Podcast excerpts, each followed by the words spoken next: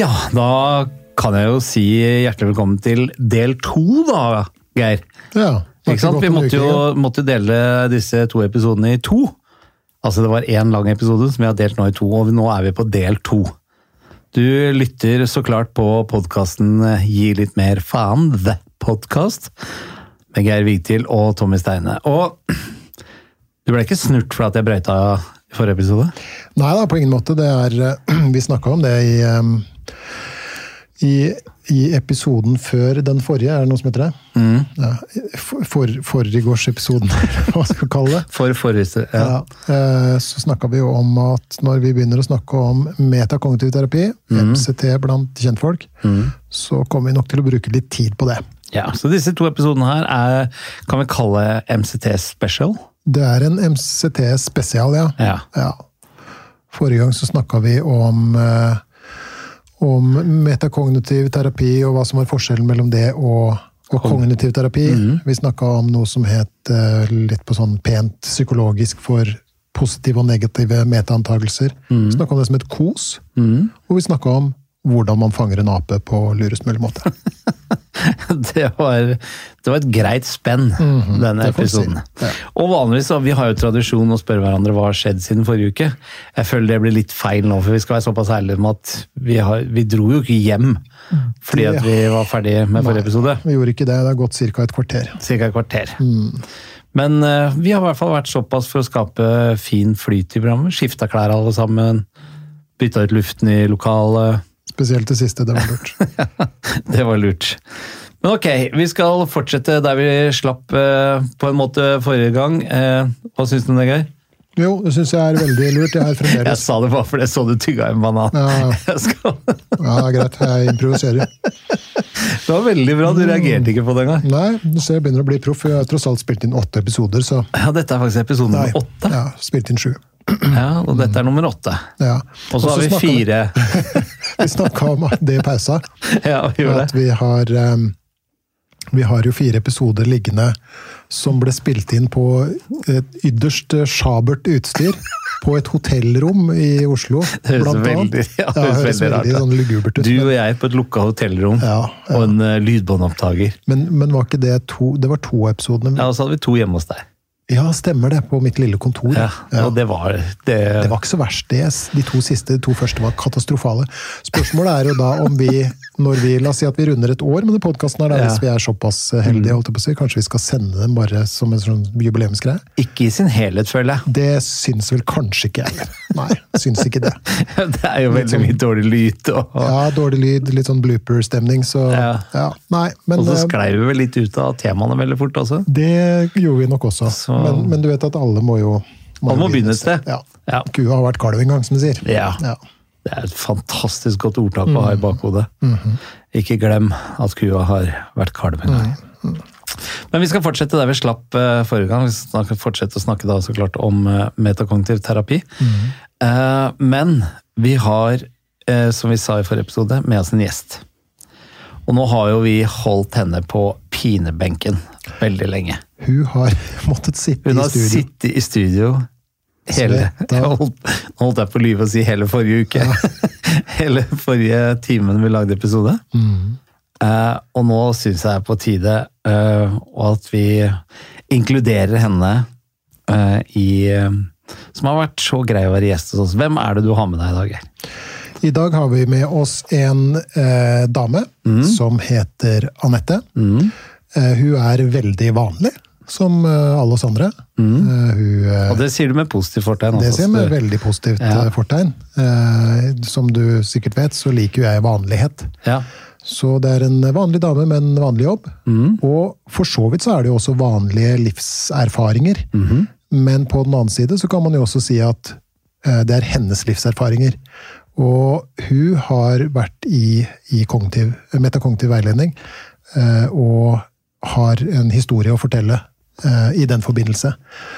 Og så skal vi da få smetta inn eh, siste, hva skal vi si, siste resten som, som vi skal snakke om, om metakognitiv terapi eh, Ja. underveis. Det skal vi, men da må vi få lov å ønske deg velkommen, da. Anette, hjertelig velkommen til podkasten vår. Du, tusen takk for det. Det er veldig veldig hyggelig for oss at uh, du har sagt deg villig til å komme her. Hva tenker du? Jeg syns jo det er veldig hyggelig å få lov til å komme og prate med dere. Ja, ja, så det bra. synes jeg, ja. Og tenker at eh, som en veldig vanlig person, så er det greit å prate om helt vanlige problemer. Og du sitter med to helt vanlige gutter. Helt veldig vanlige. Ja, så her er det ingenting som er uvanlig, faktisk. I det hele tatt. Er du, er du nervøs, eller? Jeg er litt nervøs. Er du løs i magen? Eh, Ikke løs i magen. Nei, det ser Nei, jeg. jeg er mer den der eh, litt sånn hjertebank. Ja, ja, ja. ja. Og litt varm. Litt varm. Litt varm. Ja, ja. Ok. Ja. Ikke løs i magen. Nei. Da er det jo bra du har på deg den litt tykke ullgenseren. Ja, det er veldig glad for at jeg holdt det. At jeg tok ullgenseren i dag, det var jeg glad for. Se, det kan nok bli kaldt der inne. Det er, kvinner tenker på alt, vet du. De Ja. gjør det. Men du, eh, det er i hvert fall eh, Jeg vet ikke hvordan jeg skal få sagt det nok, men for oss betyr det i hvert fall veldig mye at du er her. Eh, Og for meg og for Geir så er det jo Jeg vil tørre å påstå at det er minst like hyggelig med vanlige mennesker som er her bare i tråd at de er et vanlig menneske, enn om man er her av en eller annen profesjon eller stilling eller sånt. Eh, har du lyst til å fortelle Du bør ikke Vi skal ikke gå i detalj, men du kan fortelle hvem er du? Er du en voksen dame? Har du barn? Jobber du? Det kan jeg godt gjøre. Ja. Uh, ja, jeg, jeg vil jo kanskje si at jeg er en ganske voksen Ikke ganske voksen, jeg er en voksen dame. Ja. Uh, som begynner å nærme meg 40 år. Uh, har et barn som eh, går i barnehage enda. Ja. Eh, og ja, har en solid jobb. Eh, jobber som eh, intensivsykepleier. Wow! Og, ja. Hva betyr det? Ja, Intensivsykepleier? Ja, det er veldig intensivt. Ja, det er det. ja, veldig intensivt. Ja, men hva er det Litt dere mer ekstra, liksom. Ja, hva er det en Eh, En intensivsykepleier gjør? intensivsykepleier jobber ofte på, um, på intensivavdeling, da. Ja, Eh, Med, med kritisk syke mennesker. wow. Eh, Ja. Beundringsverdig. Altså. Takk for det. Bestemte du deg veldig tidlig for at du skulle bli sykepleier? Jeg gjorde ikke det. Gjorde ikke? Det var litt tilfeldigheter. Var det det? Så, Ja. Å, så gøy! Ja. Har du lyst til å fortelle? Uh, Nei, det, det er uh, Noen tilfeldigheter tror jeg kanskje det er med valg av utdanning noen ganger. Eh, Ja. Noen tenker jo kanskje at de har Eller snakker om at de har blitt sykepleiere pga. et kall. Det, det vil jeg kanskje ikke si at det var for min del, men, men, men jeg ble nå sykepleier og trivdes veldig godt med det. Og, og kjente at det var en, på en, en rolle som passa godt for meg. Eh, og valgte da etter hvert å ta videreutdanning da, til å, å spesialisere meg og jobbe med intensivpasienter. Da. Mm. Og jeg må få lov å si, og jeg vet ikke om det her er feil av meg å si det, men det er et eller annet som stråler av den dama her, sånn, som tilsier at sykepleier er eh, Om ikke det hadde vært det første jeg hadde gjetta på, så hadde det i hvert fall vært blant de fem første yrkene jeg hadde tippa deg til. Og ikke, kanskje ikke akkurat intensivsykepleier, men noe for, innenfor omsorg. For det er, noe, det er noe så utrolig varmt og godt med dere som jobber som sykepleiere. Det er ja, øya dine, smilet ditt. Eh, omtanken fordi du hadde jo til og med med deg kanelbolle her som gjest. Eh, så, det, så det lyser eh, Det lyser veldig altså, Veldig gode mennesker. Er lov å si det, eller blir det feil? Nei, du får lov til å si hva du vil. Ja, ja, men blir, er det sånn derre ah, Han er så Jeg mener dette både menn og damer. Jeg ser jo det, Geir. Du er jo opprinnelig en sykepleier, du også. Ser jo det på deg. Det gnistrer av øynene dine, smilet ditt, omtanken din for andre. Så, har han drukket i pausen, eller? Nei, men jeg mener det? Det var, jeg vet ikke hva er i det glasset. Er det rom og cola? Han? Nei, det er Cola Zero. Nei, det er Cola. Jeg drikker jo ikke alkohol, det vet Nei, det er sant, det. det, er sant, det. Nei, det er veldig hyggelig, Tommy. Og sånn sett så kunne jo du vært sykepleier, du også. Jeg kunne det. utstråler- Jeg har litt sånn Ja, du har det. det Men er, er en ulempe, Tommy. Du må ha litt utdannelse. Det var det. Der hadde jeg sikkert ryket. Det er ikke, det er ikke sikkert. Jo, jo, jeg er en enkel arbeiderklassegutt fra Ja, ikke sant. Jeg hører du skryter av det. Ja. Ja, ja. Men eh, ok, eh, og så um har du gått til metakognitivt. Du satt jeg og hørte på eh, forrige episode som vi lagde. Mm, Kjente du deg igjen i de tingene vi snakka om? Ja, i mange ting. Ja, du gjorde det? Ja, det gjorde jeg. Uh, I mange ting. Mm. Men for deg, uh, nå vet jo ikke jeg noe om din bakgrunn, eller noe som helst, så du skal slippe å gå inn i detaljer og fortelle ja, det skjedde meg, og det skjedde. Det er ikke det jeg mener, men hva var det som gjorde at du tenkte hm, jeg har, godt av å gå og snakke med en, eh, en veileder? Eh, Jeg tror det som på en måte eh, var utslaget, da, var jo Jeg følte jo jeg hadde kommet meg langt, eh, på en måte. Kommet meg godt over eh, ting som hadde skjedd, og Eh, Men det var den, den grublinga, og, som dere snakka litt om i forrige episode. Ja. Selvbebreidelsen og ja. Ja, Var det en sånn som gjorde det? Snakka mye ned deg ja, sjøl? ja, absolutt. Ja. Mm. Så det var vel det jeg tenkte, hvor jeg også fikk et spørsmål om gjør, gjør det deg noe bra, på en måte, å, å tenke sånn. Eh, Og det gjorde jo egentlig ikke det. Eh, Ikke det rart? Veldig rart. Enda så gjør vi det. Ja. Ja. Eh, Og det var vel da jeg på en måte fikk eh, litt øynene opp for at eh, jeg har litt å hente Ja. her. For å komme meg videre, da. Er det lenge siden du gjorde dette her? Eh, Det er vel et halvt år siden, tenker jeg. Halvt år siden. Ja. Noe i den duren, ja. Mm. Mm. Kan du si noe om hva det var du gikk og, og gnura på? Det kan jeg. det er jo, eh, som jeg sa, mye sånn selvbebreidelse. Det var jo mye den eh, som dere snakka om i forrige episode, og ikke det, det å ikke være god nok. Ja. Eh, Ikke, ikke var jeg noen god sykepleier. Nei. Var ikke noe god i jobben min. Eh, var vel ikke noe god mamma på tidspunkt. Var ikke noe god venninne. Fikk ikke til å trene, fikk ikke til å spise sunt. altså Det meste var på en måte som det på en måte gikk an å gjøre feil. da. Det, Ja. det tror Jeg jeg Jeg tror på et tidspunkt også jeg var en veldig dårlig eks. Hvis det er mulig. Går det an?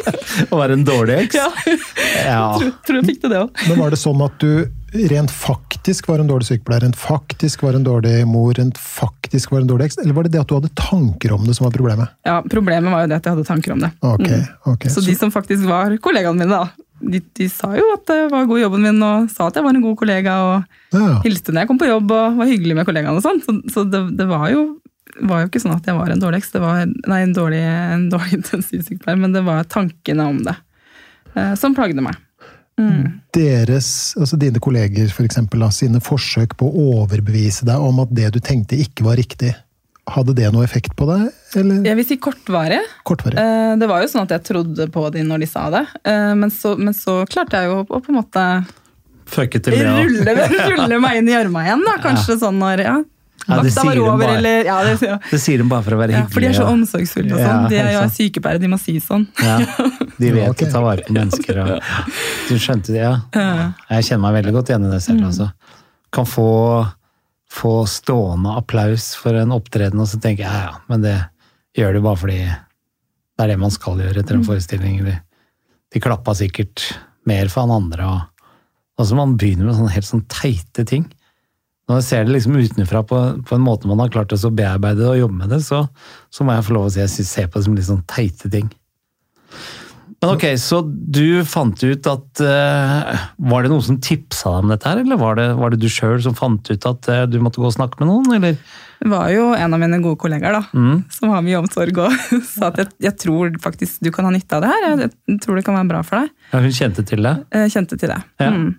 Så da gjorde jeg det. Tok jeg kontakt og, og skulle gi det et forsøk. Ja.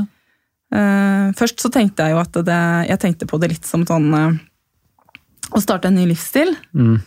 Så jeg tenkte det var litt slitsomt, egentlig. At nå må jeg gå inn i Som du vet, når du, når du går på en diett, så skal du, du må legge om hele Ja, du må spise annerledes, og så må du trene, og du må gjerne jogge da på morgenen, og så trene styrketrening etterpå. Jeg tenkte det her blir veldig, veldig, veldig slitsomt. Til jeg da eh, kom til denne terapeuten som sa at eh, hva, om, hva om du bare slutter å tenke sånn som du gjør, og endre holdning til deg selv? Så ble det jo litt lettere, da. Mm. ja. Gikk du der lenge, eller? Faktisk ikke så veldig lenge, nei. Nei, du gjorde ikke det? Nei. ehm, sånn typ seks, syv, åtte ganger. Wow. Ja. Så det var ikke så lenge, nei. Og i dag så er ting mye bedre for deg? Absolutt mye bedre. Det er jo som eh, du sa tidligere, at det hender jo man på en måte går tilbake til noen mønster, men i, i hovedsak så vil jeg si at eh, det er mye, vesentlig mye bedre. Har du prøvd noe annet før eh, du prøvde dette? her sånn? Har du gått i noen annen slags type samtaler, eller har du prøvd noen jo- egne ja. mestringsstrategier? som du... Absolutt. Ja, det det. Artig at du skulle nevne det. Mm Men jeg har jo også prøvd, prøvd eh, kognitiv terapi, som dere snakka om også i forrige episode. Mm. Um, Men det som kanskje er, var min utfordring, da, var jo det at, at jeg brukte så mye tid på å tenke på det, at det, på en måte, det, det gjorde meg ikke noe bra. Um, ja, jeg reiv av det plastet da, om igjen og om igjen og tenkte at uh, ja, det må jo snart bli bedre. Um, så gjorde det ikke det. Det, det, det fungerte ikke da i den uh, mm. Du bruker et, et uttrykk, så reiv av plasteret. Hva, hva, hva mener du med det? Ja, det jeg egentlig tenker på, er jo det um, Det å snakke om det som har skjedd, da, det, eller en episode, eller altså, det man har opplevd i livet. da. Eh, Fortsette å snakke om det hver gang du sant, møter en ny person. Eh, ja, gruble på det. Eh, ta det opp med forskjellige mennesker. Så mener jeg at du, er, eller du river av plasteret da, på nytt og på nytt. Og får, Mhm. liksom, får ikke fred med det. da, Du får ikke gått videre. Såret får ikke grodd, liksom. Nei, ja, ikke sant. Ikke sant? Takk, ja. Ja. ja. Mm. Okay, så, Det syns jeg var et veldig godt bilde på det. ja, det er et veldig godt bilde. Man skal ikke ta av plasteret før såret er grodd. Nei, det er i hvert fall veldig lite Og da ramler det av seg sjøl. Ja, ja, og det var veldig vakkert, ja. det vakkert sagt. Ja. Det er, det, er, eh, det er et godt eh, bilde. Man bør vel Altså, dersom man har fått et sår, da, Mm. så bør man jo øhm, strengt tatt øh, Eller den beste måten La meg begynne på nytt. Mm. Den beste måten å få sår til å gro på, er å la dem være i fred. Mm. Mange av oss har jo da en tendens til enten å løfte på plasteret og eller løfte på rua, eller hva det heter. Skorpa, på, som vi sier. Mm, er en I trønder urban, urbane strøk sier vi skorpa. Løfte Løft på rua og se hva som er under. um, Rur heter det på Møre. Nei, det er sånn som vokser under båter. Nei, det heter rur. Se på rura, har fått rur på såret. Nei, Går ikke, vet nei, da har du ligget i sjøen en stund, tenker Nei, det er i hvert fall jeg har hørt når jeg var der oppe. Ja, ok, ja, samme det. Men i hvert fall, det å, øh, å øh, pilke av skorpa for å se hvor langt, eller hvor mye såret har grodd, Ja. er ofte en veldig dårlig idé. Og det er jo det vi ofte gjør, ikke sant? Når vi kjenner smerter fra dette såret, da, i overført mm. betydning, så er vi nede og pirker i det. Mm. Og det du snakker om, uh, Anette, er jo dette med altså den trangen til å snakke med andre om det som har skjedd, eh, nærmest sånn uavlatelig, er for det første så er det jo det at man selv liksom pirker i det på et vis. Og, og, og, og for det andre så blir det en slags sånn ekstern grubling, da. Man inviterer nærmest til en sånn grubling over temaet sammen med andre. ikke sant? Som om grubling da blir dobbelt så effektivt, eller noe i den retninga der. Og det blir det jo ikke. ikke sant? Og alt man oppnår, er at sår gjør vondt. Igjen. Og at det ikke gror. Og så er jo spørsmålet hvordan lar man sår være, liksom? Det er det store spørsmålet. Og det spørsmålet skal vi få besvart i løpet av eh, episode åtte av eh, denne. Ja, det skal vi faktisk. That's the big question! How to let the sore grow. Yep. Ja. ja, det er det. Men du, eh, nå når du Du sa det er et halvt års tid siden du gjorde dette. Sånn, opplever du nå at tilbakemeldingen til de du har rundt deg, er noe annerledes, eller er det du sjøl som er annerledes? Eh, Begge deler. Begge deler? Eh, Ja, absolutt. Ja. Eh, Men først var det vel de rundt meg som, som på en måte sa noe om det. At de, de opplever meg som på en måte mer tilfreds og ja, ikke så grublete, da, hvis det er lov å Det si. er så deilig å se smilet ditt igjen. Ja. Ikke, ikke det at jeg ikke Jeg smiler jo, men Ja. ja, men ja at, jeg, at jeg på en måte eh, Men de som kjenner deg godt, veit om det er ekte smil eller ikke. Ja, de vet jo det. Vet. Ja. Men de, eh, de opplevde meg vel som at jeg, hadde litt mer energi. Um, Litt mer heiv meg på ting som skjedde. At jeg var litt mer tilgjengelig, da, kan jeg si det sånn. Mm. Ja, litt mer tilgjengelig. Ja. Mm. Eh, og sjøl så oppdaga jeg det vel egentlig ved at jeg plutselig liksom fikk til å pusse opp barnerommet. Sånn svosj, oi nei, det hadde vært kult å gjort. Og så ble det litt sånn, oi, det, hvor, hvor fikk jeg den energien fra? Ja. Uh, og det var jo veldig deilig. Så nå har du et fint barnerom i Vel, tillegg. Ja, i tillegg. Det Ja. var veldig fint, faktisk. Det er masse. masse. ja. Hva brukte du de kreftene på før, da? Nei, jeg, jeg har jo brukt enormt mye krefter på å gruble. Mhm. Enormt mye. Mm. Eh, lagt meg tidlig. Jeg har vært så sliten. Eh, ikke sant? Eh, ja. Lagt meg eh, når sønnen min legger seg ikke sant? klokka ni. Det er deilig å få litt fred. Ja. Eh, ja. Og brukt, ja, brukt mye tid på grubling og selvbebreidelse. Og, ja. Mhm. Nå, nå kan det tenkes at det stiller et ledende spørsmål, så nå må du passe på litt. Grann. Vil du eh, altså Det at du la deg tidlig, f.eks., var det en slags sånn mestringsstrategi? Altså fordi jeg, jeg har jo erfaring med um, mine klienter, f.eks. En del av dem legger seg De liksom kan ikke vente til kvelden, for da får de lagt seg, og så får de sove, og så får man fri fra tankene. Mens andre opplever f.eks. at de eh, legger seg fordi at de er utslitte, f.eks., ikke sant? og så legger de seg, og så får de ikke sove, og så blir de liggende og gruble og bekymre seg og tankekjøre. Hva, hva, i, vil, hvor i terrenget Ja. var du, liksom? Nei, jeg fikk jo sove, da. Så Ja. det var sånn, eh, sånn kjempedeilig. kjempedeilig. Og det, at man får fri fra tankene. Da endelig kan jeg legge meg, ikke sant. Så er det Ja, Mm. da kan man få litt fri, da. Og så mm. Mm. Så det, det er jo deilig å sove uansett, men man trenger kanskje ikke legge seg klokka ni, da. Sånn. Nei, altså preferanser er jo så Du må ikke snakke med Geir om det, for det, da er han jeg er helt på kanten av hva han Ja. pleier å holde seg våken. Så. Det får være grenser for rangling. Men han syns det er helt greit å ringe meg sånn halv syv om morgenen, Ja. for da skal jo alle mennesker være oppe. Så det, det er jo Ja, men du gjør jo det. Ja, Du, vi har litt forskjellig døgnrytme, føler jeg. Du. Det skal sies. Ja. Ja. Ja. Så du er- har, det, er, no- det er antagelig alderen, for sånn var jeg ikke før. Jeg hadde jo lakenskrekk, jeg òg. Ja, det stemmer det, for jeg er jo så mye yngre enn deg, så det er nok alderen, ja. Eh, ja. ja. Men eh, Og livsstil for øvrig, antagelig. Eller jobb. Ja, det kan være. Jeg med- henger ikke på klubber sent på kvelden Nei. og får folk til å le. Det er ikke så veldig lett å gjøre standup halv syv om morgenen. Det er ikke så mange som kommer. Og så gjør du det? Nei, Har du prøvd det? Jeg har prøvd. Har du det? Ja, helt seriøst. Klokka sju om morgenen har jeg et standup-show. Nei. Når da? Når du er på oljeplattformer og opptrer der, så uh, går det jo tre skift. Ja. Så det er veldig rart. Men der ute er det jo ikke noe Det er jo mørkt hele tida, de jobber jo bare innendørs, og de har jo ikke noe forhold til hva som skjer ute. ja, Var det da nattskiftet gikk av? da? Nattskiftet gikk av klokken syv om morgenen, så var det jo kvelden for dem. Og jeg sto der. Og underholde der ute er det ikke lov med alkohol eller Nei. røyk ingenting heller, så det var Full av røkelaks og eggerøre etter frokost. Det var de. Eh, Men det er eh, Da får du testa deg virkelig som eh, artist når du skal underholde. For for dem var det jo kvelden. De hadde jo holdt på i åtte timer eller hva det er for noe. Ja, det er vel gjerne åtte timer. Mm.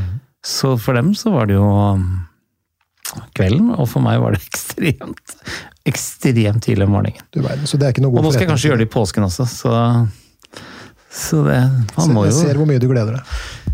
Nei, men det verste er at hvis du har vært der ute et par dager, så blir du litt sånn sjøl òg. Så det går jo i ett. Men da når vi er ute på plattformen, så kjører vi som regel tre forestillinger på en dag. Ett for hvert skift når de går av. Ja. Så da er skiftarbeider. Jeg. Um, um, ok, så, så det å få legge seg og få litt fred, det høres ut som det var, var deilig. Mm, ja, det var jo det.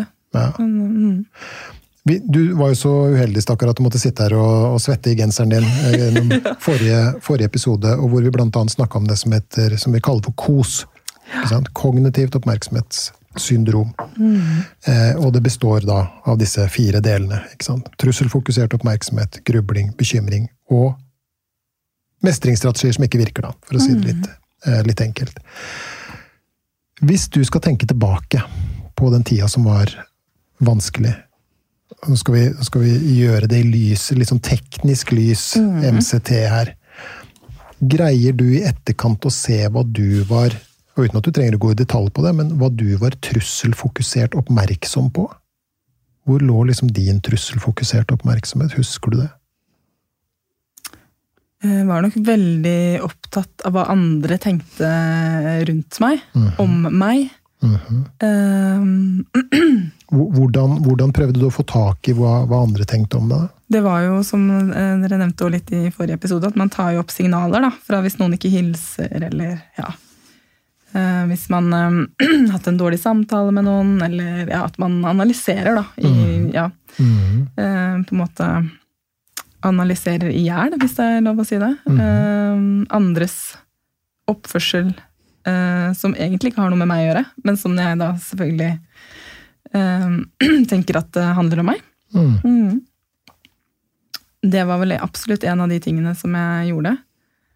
Um, Det høres på en måte, og misforstå meg rett nå, som om det var en, en, en, ligger en slags sånn se, Nå begynner han å skrelle Jeg skal mandarin. ha mandarin. Eh, Det ligger en slags sånn selv, selvopptatthet i det. Altså, ja, det kan du si.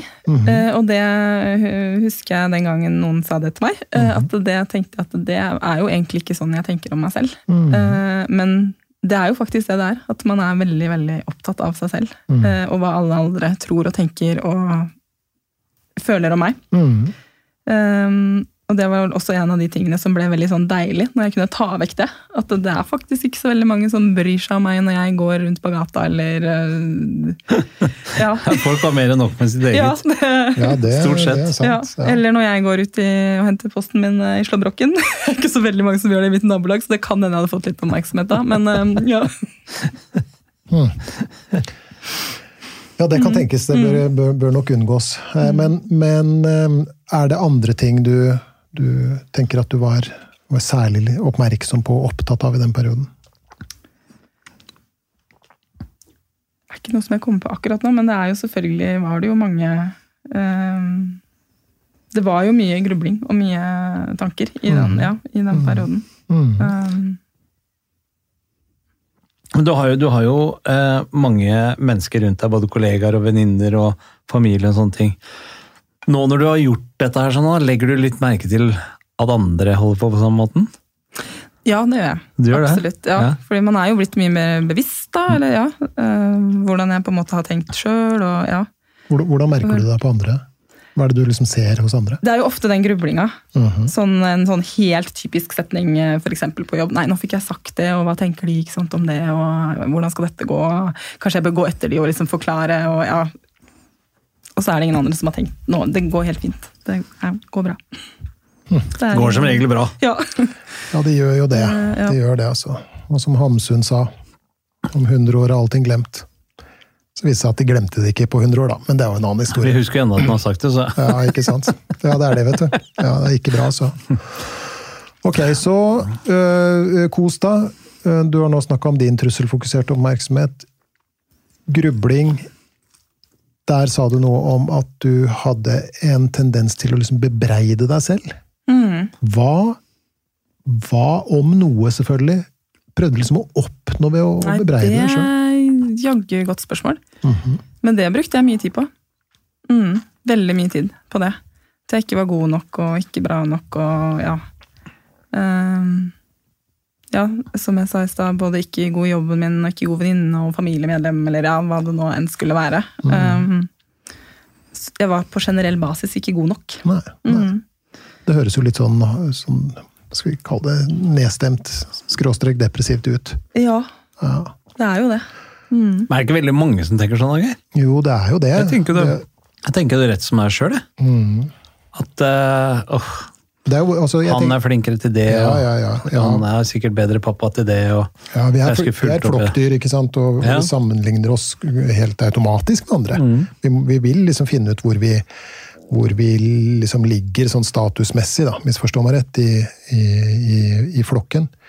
Eh, og litt sånn selvbebreidende tanker osv. er også relativt vanlige, nesten som et ledd i en slags sånn redsel for at det skal være sant på et vis. Noen ganger så kan vi også se eh, folk som bebreider seg selv som en slags sånn misforstått eh, Hva skal vi kalle det? En slags misforstått forsøk på å spore seg selv til innsats. Ikke sant? Hvis jeg kjefter nok på meg selv, så vil jeg bli bedre, på en måte. Ikke sant? For at, fordi at da vil, jeg, da vil jeg gjøre en innsats for å bli en bedre sykepleier og en bedre kollega og en bedre ditt og bedre datt. Ikke sant? Og så viser det seg jo at det er en skal vi kalle det, en pedagogikk som ikke ser ut til å fungere særlig bra. da. Har- Jeg gjorde ikke det. Nei, ikke sant. Jeg har et litt sånn lure, luretriks i den forbindelse, og særlig hvis jeg har småbarnsforeldre eh, på, på mitt kontor, og, da, og som har, driver den nesten litt sånn særnorske folkesporten der å kjefte seg selv huden full og rakke seg selv ned. Og da sier jeg noe i retning av at eh, kanskje vi skal invitere barna dine hit neste gang, og så kan vi lære dem å gjøre det siden du ser ut til å sette så stor pris på den type aktiviteter. Og da får du jo helt panikk. Nei, nei, nei, jeg må absolutt ikke finne på å gjøre det. Hvorfor ikke? Jo, fordi at jeg hadde blitt lei seg, og ikke sant? de hadde mista alt som het sjøltillit, og, og blitt nedfor, og, og så videre. Og da er jo neste naturlige spørsmål, ja, men hvorfor gjør du det da? Og det høres jo ut som et ganske sånn tilforlatelig spørsmål, men på den annen side så, så er det kjempeviktig. For hva i huleste har du igjen for det, ikke sant? Jo, men her er der må jeg få lov å skyte inn, for det, er- og, det, og du må bare si om du er enig eller uenig i det her, Anette. Men det er lett, ikke lett, for da kommer Wilhelmsen til å bare si jeg vil og du skal si det vanskeligere, Men eh, det vet du. Du er utdanna i dette her, og du jobber med det hver dag. Jeg tror ikke, jeg må snakke for meg selv, og mulig du også kjenner igjen. Jeg tenkte ikke videre. Sånn som jeg driver, med, og driver av og til med negativt selvsnakk nå, og snakker meg sjøl ned og sånt noe, så tenker jeg ikke samtidig ja, dette her er nok ikke så lurt, Tommy, men la oss prøve det allikevel. Fortsett. Kanskje du klarer å piske deg selv til bedre inns... Altså, så langt tenker ikke. Det bare skjer, ikke sant. Det skjer mm. sånn herre Å, herregud, hvorfor gjorde du det da, Tommy? Det er ingen andre som ville gjort det. Hvorfor måtte du si det, da? Må du alltid være en klokk... Altså, mm. Det er jo sånne ting som skjer. Jeg tenker jo ikke samtidig i analysen, for da er jeg, jo sam... da er jeg allerede ute av det. da. De gangene jeg klarer å øve meg til Er dette lurt, Tommy, å snakke sånn til seg selv? Nei, det er ikke lurt. Ja, hvorfor gjør du det, da? Nei, jeg tror kanskje at det hjelper. Jeg har du opplevd at det hjelper? Nei, det har ikke hjulpet til nå. Ja, skal du fortsette med det? da? Nei, jeg skal ikke fortsette. Da er jeg jo allerede Kall det kurert, da. Jeg veit at ikke du liker det ordet, men så Greiene er jo at man har lett for å sette seg fast i de tankegreiene sånn, men man tar ikke skrittet ut fra seg sjøl og ser inn. Skjønner du hva jeg mener? Mm, skjønner veldig godt hva du mener. Jeg kan svare på det. Ja. Eh, og det er noe i retning av at uh, Til de som ikke har hørt forrige episode, så beklager jeg nok en gang, men jeg påpekte at Geir skulle telle hvor mange ganger han sier eh, noe i retning av. Ja. Som okay, man sier istedenfor liksom. Ja. Unnskyld, det var en digresjon. Fortsett. Det handler antagelig mm. eh, eh om følgende. Mm. Jeg våger påstanden om at alle har eh, vanskelige og kanskje til og med av og til litt sånn nedsettende tanker om seg sjøl. Mm. Ikke sant? Jeg husker eh, første gang jeg selv ble oppmerksom på den type tanker sånn ordentlig. Eh, da, da, var jeg eh, akkurat blitt eh, far, så jeg var 30 år gammel. Og så står jeg på kjøkkenet hjemme og skal smøre brødskive til meg selv. Jeg husker til og med hva jeg hadde på. Jeg smurte to brødskiver med honning. Smør og honning. Eh, og den ene brødskiva lå litt sånn utpå kanten. Så idet jeg snur meg for å legge kniven i oppvaskkummen, så kommer jeg da borti brødskiva som ligger ytterst. Den flippes rundt, og havner selvfølgelig med hva da ned? Splash, ikke sant? Så der ligger den klistra til gulvet. Og så hører jeg meg selv si høyt 'idiot'. Og da, for første gang i mitt liv faktisk, så stoppa jeg, og så tenkte jeg 'vent nå litt'. Jeg var uheldig. På hvilken måte fortjener jeg da betegnelsen idiot? Så det var liksom første gang jeg ble oppmerksom på den type eh, ting selv. Men det å ha denne type tanker om seg selv, f.eks., det er altså da eh, normalt. Mm. Men det er først når det blir for mye av det, og vi bruker veldig mye tid på det, at vi kan oppleve at det har eh, følelsesmessige konsekvenser for oss. da. Og så er det helt riktig som du sier, at Nei, men det her, man, det her, blir man som oftest ikke oppmerksom på av seg selv. Nei. ikke sant? Og i hvert fall ikke de tankerekkene som du akkurat beskrev. Mm. Og, og, det er jo derfor eh, mange opplever sånn som du da, Anette, at det å gå til en eh, terapeut, veileder, psykolog, kall det hva du vil, og bli gjort oppmerksom på hva man faktisk driver med, det er da man kan begynne å avsløre seg selv. Og når man har begynt å avsløre seg selv, eller bli oppmerksom på hva man driver med, da, for å bruke et litt mindre dramatisk begrep, at man kan begynne å gjøre noe med det. Ikke sant? Det, men det er akkurat det som er poenget mitt. Mm. Akkurat det at ja, du trenger en trener. Jeg kaller det sånn som det er trenere. Og hvis jeg står og skal lære meg å spille fotball, og jeg får ikke skrudd den ballen inn i, i, i mål på frisparka mine. Jeg gjør 1000 frispark etter hverandre, det går i muren eller ut for mål. Så kommer det en trener og sier ja, men prøv å gjøre sånn med foten din istedenfor, eller ta et skritt tilbake, eller Så får jeg den ballen i mål. Akkurat på samme måte er det jeg opplevde at det var for meg med de tankene. Da. Så når man kom til en sånn som deg, som sa kan du tenke sånn, kan det være det, kan det være ditt, kan det være det, kjenner du noe på det? så får du Og jeg veit du hater det her, Geir. Eh, da får du et, på en måte et verktøy, da. Mm. En, jeg er enig. jeg veit du hater det, og du kaster kulepenn på meg nå. Jeg mener ikke verktøy, men da får du en inspirasjon til å endre holdningen til det. Mm. Mm. Så ikke verktøy, men inspirasjon. En liten veiledning til hvordan man eventuelt kan endre holdningen. Så var det bedre? Mm, jeg syns det var utrolig elegant formulert. Ja. Eh, takk. Nesten så du beskriver en bok om det. Da skal jeg Nei, jeg skal ikke skrive noen bok. Men, eh, men ok. Eh, I dag så føler du da at du har det bedre enn før du gikk til denne treneren. Helt klart. Ja, sånn at eh, Det er jo ikke noe sånn at livet er noe lettere, eller at man ikke møter på problemer og sånne ting i dag også, men man har plutselig en, en litt annen holdning til de, og gir ikke det like mye fokus som vi har gjort før, som jeg har forstått, og du har brukt ekstremt mye tid på grubling. Men tenker du um, hvordan skal jeg formulere det spørsmålet. Tenker du nå at um, du vil takle ting bedre, selv om du skulle oppleve For du har jo i likhet med meg, i likhet med Geir, opplevd dritting i livet, for å si det rett ut. Uh, helt sikkert. Og vi kommer til å oppleve dritting framover også. Tror du at du kommer til å takle det bedre enn du har gjort det før? Det er jo et veldig godt spørsmål. Mm, Men jeg tenker jo eh, tusen takk. Ja, vær så god. Jeg tenker at eh, man, som du sier, vil jo oppleve ting seinere i livet, og, og livet byr jo på sine utfordringer til tider.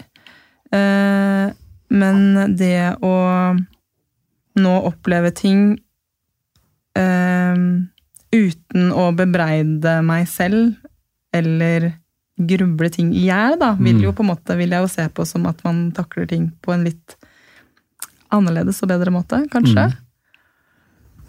Ja. Hva om noe er det som, som snudde det hele for deg? Hva var liksom vendepunktet? Ja, det husker jeg faktisk veldig godt. Okay. Ja, så godt spørsmål igjen. Ja. Ja, takk. Ja. Jo, det var den um, eh, hvor jeg var til samtale, eh, og denne terapeuten sa til meg at eh, lag en, en uh, kafétid med dine negative tanker, eh, typ sånn klokka ni på kvelden. Eh, de har, det har jeg hørt du har snakka om før også, ja, Tommy. Ja. jeg nikker på hodet. Ja, at eh, disse tankene de, de har du ikke tid til nå, dere må komme tilbake senere. Det er ikke besøkstid nå. Uh, og i løpet av de første to dagene hvor jeg gjorde det, så ble jeg sånn Det, det funker, på en måte. At det, det, de er ikke velkomne, og det er fordi jeg har sagt at det, det er ikke rom for de nå. Uh, og så gikk det noen dager, og så spurte den terapeuten meg da Så klokka ni kom de tankene, da, de negative tankene. Nei, de gjorde ikke det. Nei, Det var jo veldig rart. Mm. Um, og da var det jo kanskje ikke så viktig, og det var det som var på en måte den utslagsgivende, eller det som jeg tenkte at nå, det, dette er jo en helt annen holdning, en helt annen tankemåte til det jeg har holdt på med. Uh, og at disse tankene, eller ja, selvbebreidende tankene, faktisk um, ikke hadde så stor plass hos meg allikevel. Så det, det, det du beskriver, er, en, er en, eh, en vanlig sånn hjemmeoppgave i, i metakognitiv terapi. Eh, Det ble vendepunktet for meg òg, hvis du lurte. altså, ja, Akkurat samme. Ja, riktig. ja. Han terapeuten jeg gikk til, var helt fantastisk, som lærte meg det. Det var faktisk deg, Dager. Ja. Ja, sier du det? Ja, Ja. men det er hyggelig. Eh, Og, og det, er en, det er en veldig sånn standard, uh, kall det hjemmeoppgave, som, som uh, klienten får. Eh, dette med Altså, det er to måter å gjøre det på.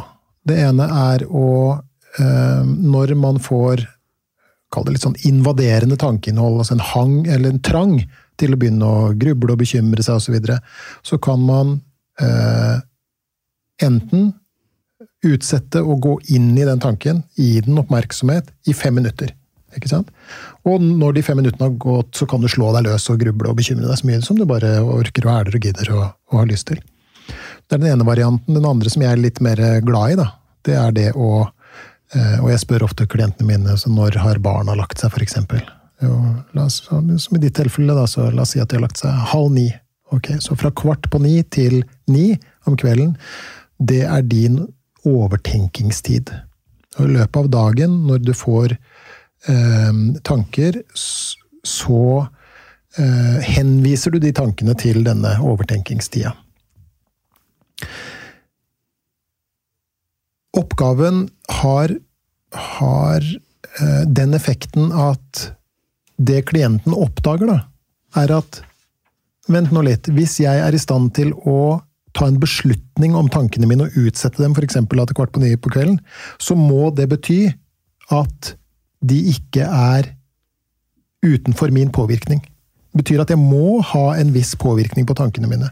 Så Det er liksom den første sånn Du kan nesten kalle det en slags sånn metaoppdagelse som, som den personen gjør. En overoppdagelse også. Ja, på en måte. Mm. Ikke sant? Altså en, en, en, oppdagelse om sin egen tenking, på et vis. da. Mm. Den andre effekten er at Hei, vent nå litt. Hvis jeg eh, utsetter disse tankene, og de ikke er så aktuelle å gå inn i klokka kvart på ni om kvelden. For det er ofte det som blir erfaringa. At når jeg kommer til kvart på ni på kvelden, så, eh, så har jeg kanskje ikke så lyst til å drive og tygge på de greiene her uansett. Så er den andre oppdagelsen at Men da er de kanskje ikke så viktige. Ikke sant? Og det er en endra holdning til tanker. Fordi at Vi snakka jo om positive metaantagelser, ikke sant? Og, og i, innenfor det her med positive metaantagelser så, så, så, ligger det en, en, en skal vi kalle det en holdning til tankene om at disse tankene er veldig viktige, de må jeg holde på mm. med, fordi at da vil jeg oppnå ditt eller datt. Ikke sant? Eh, og så viser det seg at de er jo ikke viktige i det hele tatt. Men før vi, før vi eh, kommer til hva skal vi si, det punktet, så må vi angripe det som kalles eh, kalles, Kall det en ukontrollerbarhetshypotese om tankene. Da. Jeg får ikke til å kontrollere tankene mine i det hele tatt. Der har vi et annet eksperiment, nemlig. Eh, og det er det som kalles isbjørneksperimentet. Eller noen har andre navn på det, typ som rosa kanin osv., men jeg liker å bruke isbjørn. Og for å, å, å utforske tankers upåvirkbarhet, så, så, sier jeg ofte til mine klienter at er du, er du med på et eksperiment, sier jeg. Også. Og de fleste er jo veldig nysgjerrige og syns at det er litt stas, og de sier jo ja. Jeg har aldri opplevd at noen eh, sier nei. En dag blir det kanskje den første gangen, jeg vet ikke. Men hittil ikke. Så sier du med på et eksperiment. Ja, jeg er med på et eksperiment. Har du tenkt på isbjørner i dag? Og så viser det seg at det er forbløffende få som går rundt og tenker på isbjørner. Så de mm. fleste sier da nei, jeg har ikke tenkt på isbjørner i dag. Ok, eksperimentet er som følger. Du skal nå tenke på hva du vil i hele verden, men du skal ikke tenke på isbjørner. Eh, hvis du, når jeg sier 'sett i gang', og du begynner å, å tenke på isbjørner, så eh, Du skal si, si 'sett i gang' og, og ikke skal ikke tenke på isbjørner. På, ja. Hvis du mot formodning begynner å tenke på isbjørner underveis, så bare rekk en hånd i været. Da avbryter vi eksperimentet. Er du med på det? Ja, jeg er med på det. Og så setter det i gang. Og, og i 95% av tilfellene så avbrytes eksperimentet. Det går ikke an å ikke tenke på det. Så er spørsmålet hvorfor. Jo, fordi at det som trer i kraft, er det på, som på psykologisk kalles paradoksal tenking. Det å ikke skulle tenke på noe gjør at det aktualiseres. Det, får, altså, det å ikke skulle tenke på noe er også oppmerksomhet. Du tenker nesten dobbelt på det? Ja, du gjør på en måte det. Ja. ikke sant? Du hopper isbjørnet fram med flosshatter og danser ja. og liksom holder på. Hvor ofte to oppå? Så har du den lille prosentandelen av folk som sier ja, det greide jeg helt fint. Jeg satt og krampetenka på alt mulig annet, så den lurte ikke meg. Men da er spørsmålet hvor mye krefter kosta det å holde disse tankene unna? Mm. Ah, det kosta enormt med krefter. Er det en lur strategi i hverdagen? Nei, det er det ikke. Så det er med andre ord to måter å angripe denne ukontrollerbarhetshypotesen på. det. Men det er veldig viktig uh, oppdagelse jeg hadde med det her, og det er og som er viktig, syns jeg, å ta med forskjellen også. fordi når jeg får negative tanker og sier vet du hva, deg har jeg ikke tid til å tenke på nå, vi, så jeg hadde klokka åtte, da. Vi snakkes klokka åtte. Så er det veldig viktig å si forskjellen på at jeg prøver ikke å tenke på noe annet. Jeg prøver ikke å la være å tenke på det. Jeg prøver ikke å fortrenge den tanken i det hele tatt. Tvert imot så inngår jeg en avtale med den tanken, og plasserer den. Mm. For den mestringsstrategien med flukt og sånn som vi har snakka om, hvor du skal prøve å tenke på noe annet og se på Netflix eller høre på musikk eller begynne å vaske toalett eller hva det er, sånn, det er å prøve å fortrenge den tanken, og da går det ikke. Mm. For da er det akkurat som man står der og bare Ja, men nå! Ja, men nå! Nå! Nå! Eh, men jeg opplevde at når jeg fikk øvd For meg tok det nok mer enn et par dager. sånn jeg opplevde det, for I begynnelsen så måtte jeg nesten gjøre det hvert tiende minutt, eller noe sånt, men så sakte så merka jeg den Så opplevde jeg at jeg prøvde ikke å dysse den tanken ned, eller prøve å tenke på noe annet. Eller at. Jeg tok derimot en prat med tanken. Der kom du, ja. Du er en, eh, du er en ordentlig påtrengende fyr. Eh, Men jeg har dessverre ikke tid til deg nå, så vi møtes i kveld klokken åtte. Så skulle du få et helt kvarter til bare å gruble på den tanken. Og når jeg fikk øvd opp det da, så følte jeg at det var noe helt annet enn å prøve å flykte fra den. Så det var viktig, tror jeg, bare altså, eh, i hvert fall for min vedkommende, at, at man tar med den forskjellen på at det er ikke å fly i skauen eller vaske toalett eller noe man gjør for å ikke tenke den tanken. Nei, tvert imot, man har plassert den. Og det er viktig, det er en veldig viktig ting du, du tar opp nå. fordi at hvis du, La oss si at du utsetter en tanke til klokka x for å bli kvitt den tanken, så har du et problem. For da, da, da er du litt i sånn isbjørnterreng igjen. ikke sant? Men det å akseptere tanken for det den er, og følelsen som følger med også, ikke sant? og den kan jo være ganske vond, med, at, med, med en, en sånn hva skal vi kalle det, en, ja, kall det en aksepterende holdning. da. Ok, her er du igjen. Jeg vet nå at jeg ikke kommer fram til noen løsninger, ikke er mer forberedt, og jeg vet også at det her ikke er ukontrollerbart, og det ikke er farlig. ikke sant? Så den må liksom ligge i bånn. Men, men det vet jeg om deg. Eh, jeg har rett og slett ikke bruk akkurat nå for å gå inn i denne tanken og disse følelsene. Jeg utsetter det til kveld, ikke for å bli kvitt det, men fordi at det rett og slett ikke er noe poeng i å gå inn i det. Jeg har prøvd det i hva da, 25 år, og har ikke fått det minste ut av det. Så det tar vi klokka åtte, eller ni, eller kvart på ni, eller hva det er for noe. ikke sant? Um, og dette med, dette med tankers påvirkbarhet er på en måte todelt. Da. Det er det som ikke er Her har du en ting som ikke er intuitivt tilgjengelig for oss mennesker. Da. Og det er det at du kan dele tanking, tenking inn i to, på en måte. Ikke sant? Okay. For, for, så hvis du snakker med folk om det her, så kan, så kan de si at enten så er tanker kontrollerbare, eller så er de ikke kontrollerbare. Eller påvirkbare, eller ikke påvirkbare. Kall det hva du vil. Men så viser det seg at det er todelt. For det er nemlig en, en, et aspekt ved tenking som er 100% kontrollerbart, og så er det et aspekt ved tenking som er 100% ukontrollerbart. Og vi starter med det, første, nei, det siste først. Ja. Det aspektet ved tenking som er 100% ukontrollerbart, er det faktum at tanker oppstår inni hodet ditt. Og jeg vet ikke åssen det er med dere, men jeg har veldig mye rare tanker.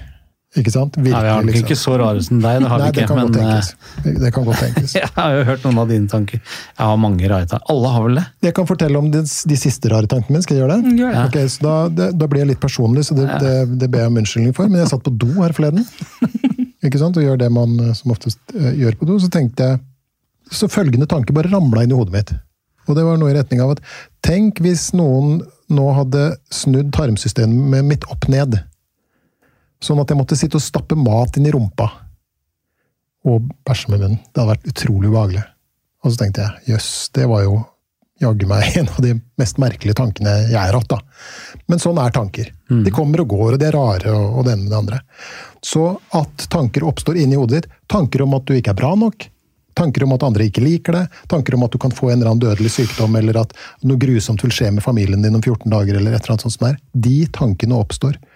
Og disse, det er faktisk et eget sånn dokument om det her. der er, det er, eh, de har antagelig sendt psykologistudenter ut for å intervjue folk ute i felten og spurt folk hva er den rareste tanken du noen gang har hatt. Så da har de produsert et dokument som heter Tanker i normalbefolkningen. Og der er det mye rare tanker. Ja, for jeg syns ikke den tanken din var så rar, egentlig. Nei. For vi har jo en del politikere og andre folk som jeg føler bæsjer med munn, så jeg følte ikke at det var så det er veldig Sant nok. ja. Men Selv om jeg tviler på at de kanskje ikke inn matpakkene. Nei, jeg håper ikke det. Nei. Bananer og sånn. Nei. Nei, Gudene veit hva som foregår på Stortinget på Nå må vi ikke Nei, vi skal Nei, ikke ta nei. det der. Men, men eh, det er, tanker er veldig rare. Ok, Så, så for å vende tilbake til, eh, til Skal jeg fortelle en rar tanke jeg har hatt? Å, herregud. Jeg vet ikke om jeg vil ja, Det er halvveis sykt, er men litt rart. ja. Jeg var i en eh, begravelse fast, til, begravelse til eh, mammaen til en kompis av meg. Så hun var ikke sånn veldig veldig nær for meg, men nok til at jeg syntes det var veldig trist. Og det var jo en veldig fin begravelse. Veldig rart at man sier det, egentlig. Veldig fin begravelse. Veldig verdig avskjed. Var alternativet, egentlig. Men der står jo presten, og det er, folk gråter, og det er jo trist.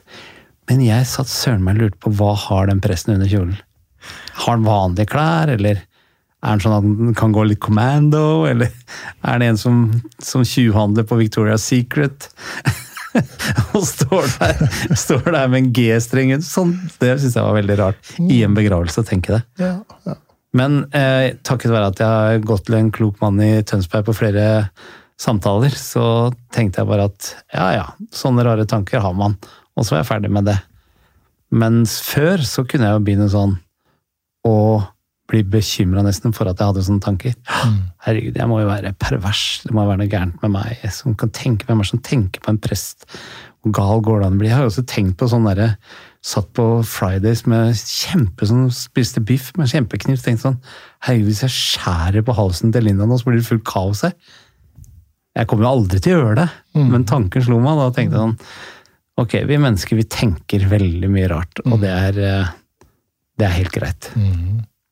Og det er jo et veldig veldig godt eksempel på, på hva skal vi kalle det da, holdning til tanker. da. Fordi at, La oss nå anta at du ikke hadde de holdningene til tanker som du her demonstrerte. For du, du, det du forteller nå, er at du forstår hva tanker er, og at tanker er rare, og at de kommer og går, at det ikke nødvendigvis reflekterer eh, dine egenskaper eller dine lyster, eller Ikke sant? Eh, vi, har, vi har noen som plages eh, veldig av det her. De kan ha det som kalles Det er innenfor tvangs, tvangstanker, da. Mm. de kan ha noe som heter thought action fusion. Så tanke-handlingssammenkobling, på et vis. Som handler om at hvis jeg tenker det, så må det bety at jeg kan komme til å gjøre det. Ikke sant? Og da kan du tenke deg, hvis du kjører langs, eller på motorveien, og så får du noen tanker om å vrenge over i andre kjørefelt og krasje med en trailer, eller sparke en barn ned foran toget. En gammel dame, mener du? Ja, ja. Som går forbi med trillebag? mm, ja. Ja. Noen kan få sånne tanker når de står på stasjonen. Du har fått en sånn tanke? Jeg har hatt en sånn tanke. Jeg har det, altså. Men, men Men du gjør det ikke?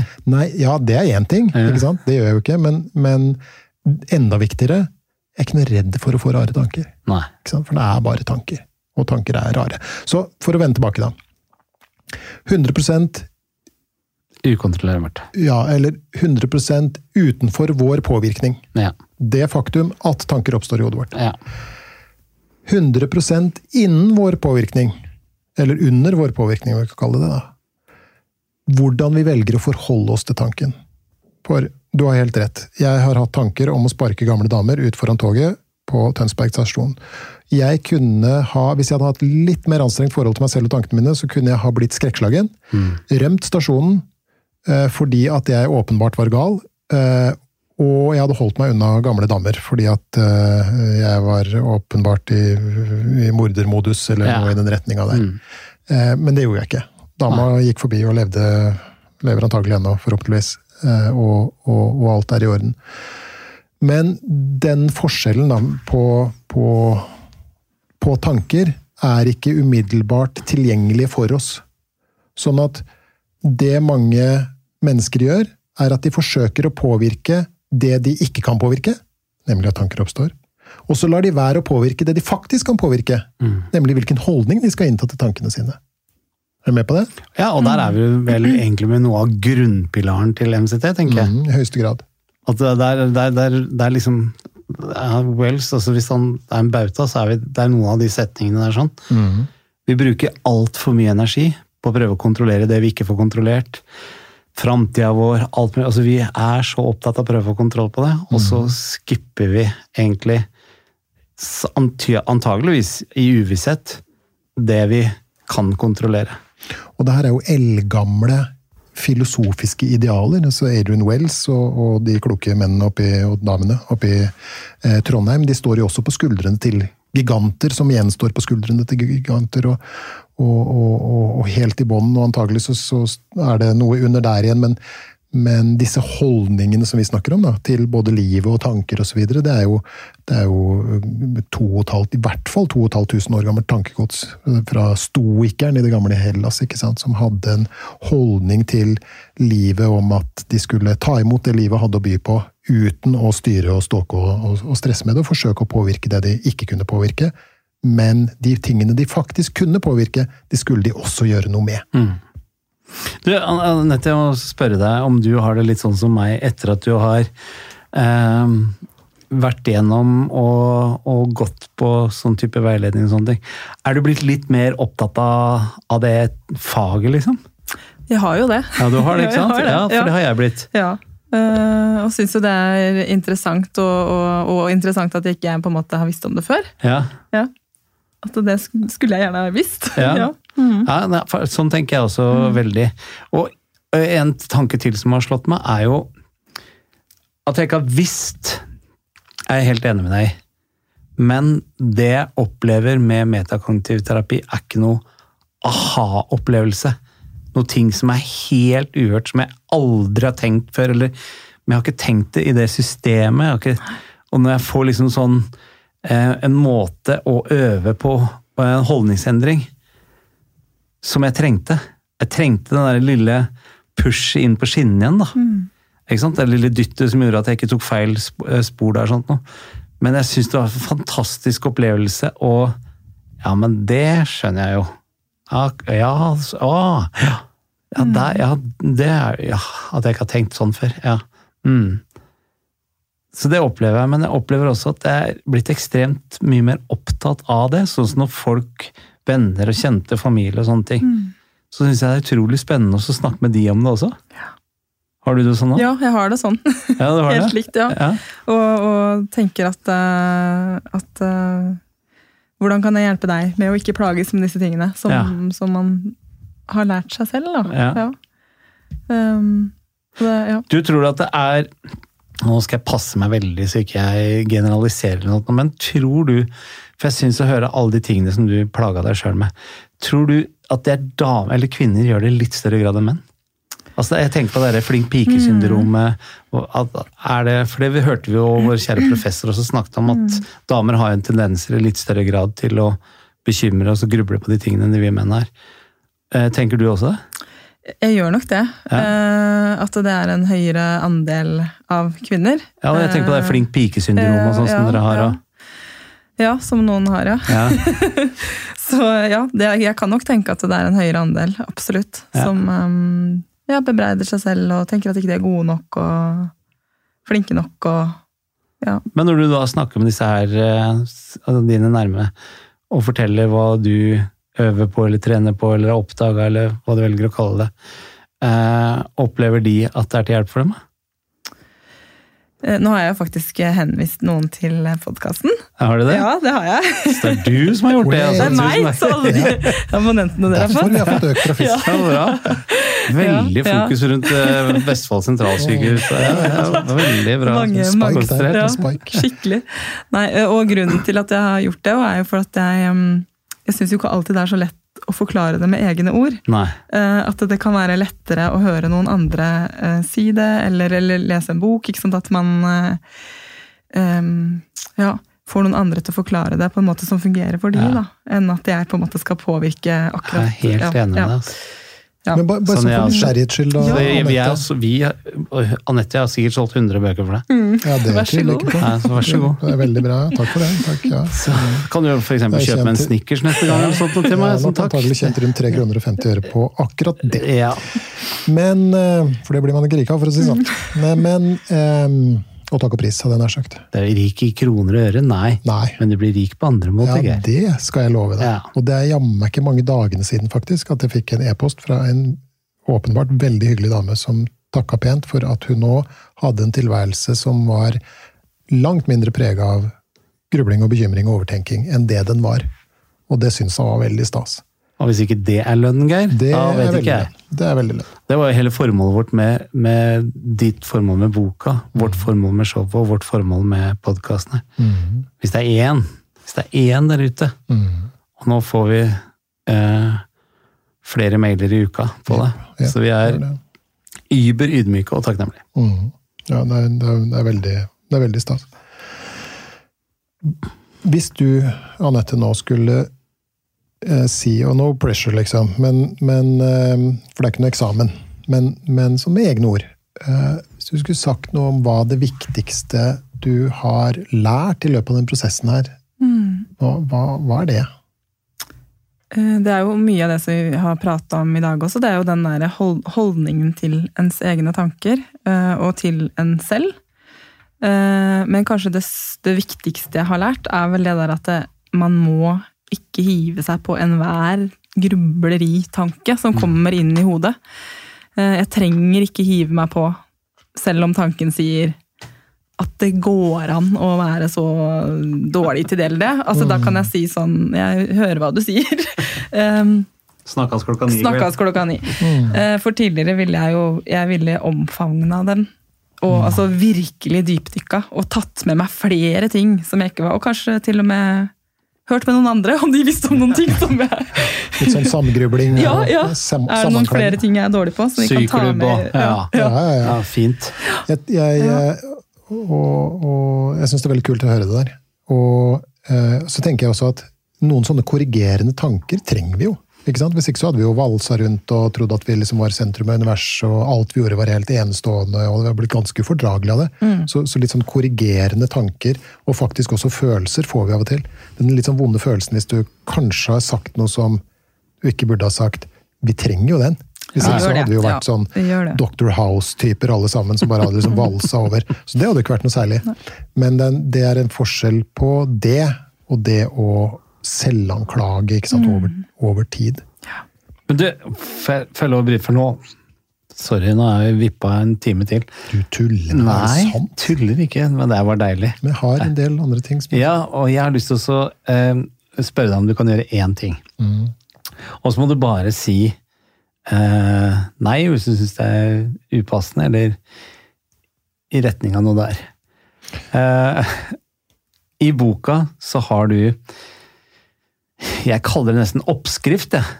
Til å få dette som både Anette og jeg eh, slet mer med før. Eh, og der har du den derre tolvregelen din i boka. Vet du hva jeg mener? Mm. Hadde vi kunne, kunne du lest opp de tolv punktene i dag? Ja, det kan jeg jo alltids, eh, men da må jeg jo også fortelle litt om bakgrunnen eh, for det. Ja. Kjør på! Ok. I boka så har vi um, har vi det som um, der kalles tolv trinn til en trøblete tilværelse. Mm. Uh, og som vi har snakka litt om, og også like gjerne kunne hett tolv trinn til en tyngre tilværelse. Mm. Men, men greia er at det er en det er en tolvtrinns eh, oppskrift på hvordan du skal gjøre livet så surt som mulig. Og så kan man jo tenke da at hva i huleste skulle poenget med det være? Denne oppskriften kom til eh, på bakgrunn av at eh, jeg, når jeg var ferdig med et sånt forløp med, med mine klienter, eh, hadde lyst til å oppsummere litt hva vi hadde vært igjennom. Mm. Men så tenkte jeg også at vi kan jo gjøre det her på en litt sånn paradoksal måte. Så, kan, så, så jeg satte meg fore å, og vise dem hva de hadde drevet med før, som de ikke drev med, i det minste ikke i like stor grad. Ok, Så egentlig det motsatte av hva man burde gjøre? Det motsatte av hva man burde gjøre. Ok. Men greia er at hvis jeg hadde introdusert dem for denne oppskriften med en gang jeg traff dem, Så hadde vi ikke da hadde de antagelig tatt det som en grov fornærmelse. Ja. En slags sånn utritting.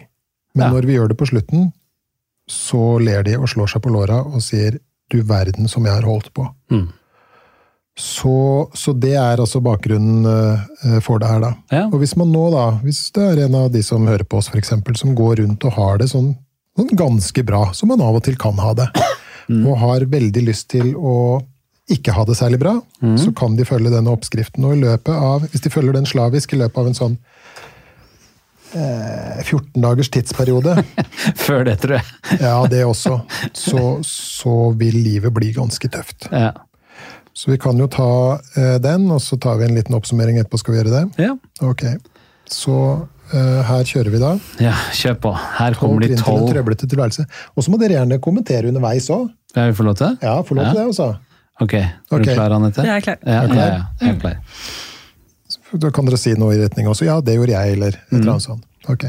Ja, for du har ikke gjort noe av det? Jeg har gjort masse okay. av det, ja, men da kan du også og gjøre det. av og til gjør jeg faktisk det her nå som Jeg gjør det ikke så lenge av gangen. Nei, det er Det er det som er trikset.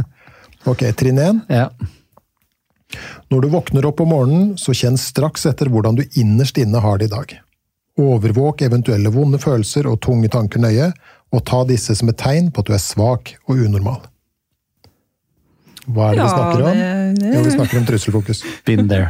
ja, det er mm. Trinn to. Ta alle vanskelige tanker og følelser som dukker opp i deg på største alvor. De sier noe om hva slags menneske du egentlig er, så de bør i størst mulig grad analyseres. Kjenner meg svært godt igjen. Ok, bra. Det var Anette-trinnet. ja. Trinn tre. Husk å følge godt med på din egen form i løpet av dagen. Ikke bare om morgenen, men i løpet av dagen. Overvåk tanker og følelser. Kjenn nøye etter hvordan du har det. Engasjer deg i grubling og bekymring, og bruk gjerne spørsmål som Hva synes andre om meg? Er jeg egentlig bra nok? Eller Hvordan skal dette gå?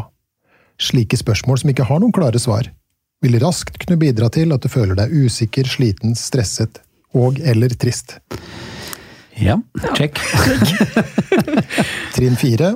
Vær nøye med å pålegge deg selv svært høye mål. Bruk gjerne setninger som 'jeg burde', 'jeg skulle ha klart' eller 'jeg må da være i stand til'. Der har vi litt sånn selvbebreidelsen der, har vi ikke Der, det? Ja. Jo. heldigvis så kan jeg si at det gjør jeg fortsatt innimellom. Trinn nummer fem. Bruk aldri ordet nei. Målet bør være å bli likt av absolutt alle andre.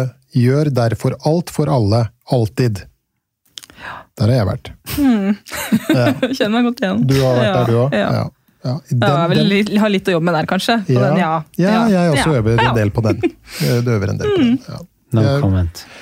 Nei. Så de av oss som, som har en viss erfaring med å ha, i det minste har vært curlingforeldre og sånn en gang, kan kjenne igjen denne. Trinn seks. For enhver pris, unngå å gjøre feil eller å ta feil, for da vil andre kunne begynne å mistenke at du bare er en helt vanlig person, og det er jo ikke akkurat noe å trakte etter.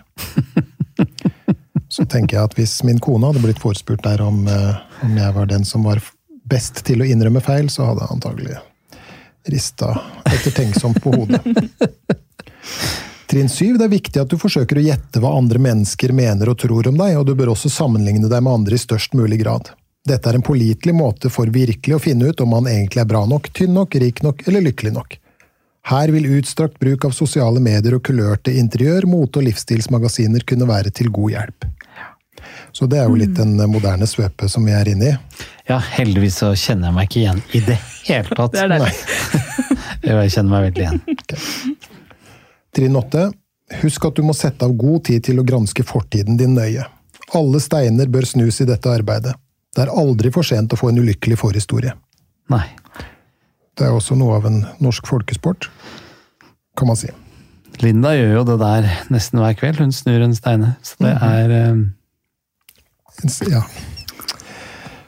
Kan du plinge på glasset? Ja, det Ja, var det, det. Det var eh, Det var ikke en komiker være digg. Nei. Det var eh, Den kunne du spart deg for. Ja, det kunne jeg. Det skal redigeres okay. bort. 20.0. Ja. Trinn 9. ja. De hendelsene som ligger foran deg i tid, bør i størst mulig grad forutses. Bekymret gjetting vil være et godt hjelpemiddel for å kunne redusere alle usikkerhetsfaktorene i tilværelsen. Livets iboende usikkerhet må for all del ikke aksepteres. Skulle noe du ikke har tenkt på gå galt, så er det utelukkende din egen skyld. Gjennom å ta alle sorger på forskudd, får du i tillegg dobbelt så mye glede av dem. Trinn 10. Snu døgnet, sørg for lite og uregelmessig søvn, installer TV på soverommet og ta eventuelle krangler med partneren din i sengen. Så der har du da ødelagt søvnen din i tillegg. Eh, trinn 11. Trekk deg tilbake fra omverdenen, isoler deg og bli inaktiv. Ikke ta telefonen, ikke gå tur med venner. Sky dagslys og frisk luft som pesten. La sofaen, eventuelt sengen, bli din nye bestevenn. Husk å trekke for gardinene, slik at du ikke lar det distrahe- distrahere fra viktig tankearbeid. Så da har vi effektivt isolert oss selv også. Ja. Det har jeg gjort. Og så det siste eh, trinnet, det er trinn 12. Hvis tankene dine i løpet av dagen begynner å vandre over til andre og lettere tema, bør du sporenstreks hente deg inn igjen. Livet er altfor alvorlig til å ta særlig lett på. Lykke til. Takk. Ubarmhjertig oppskrift med en 100% garanti. Ja, det er jo, er jo helt uh... Men er det sånn at det bare å gjøre det stikk motsatt av det du sier der, så går det bra? Ja, stort sett. Ja. Det gjør det. Det er jo Dess mindre vi er opptatt av oss selv og, og tankene våre, og det går det an å øve på. Det går an å øve på, Det gjør det. ikke sant? Ja, det er vi levende bevis på. Mm. Det er jeg også et Ja, ja. levende bevis på. Og du også. Så ok, eh, Geir og Anette. For å runde av denne spesialen som har nå vart i ja, to timer og kvarter til sammen, disse to episodene allerede.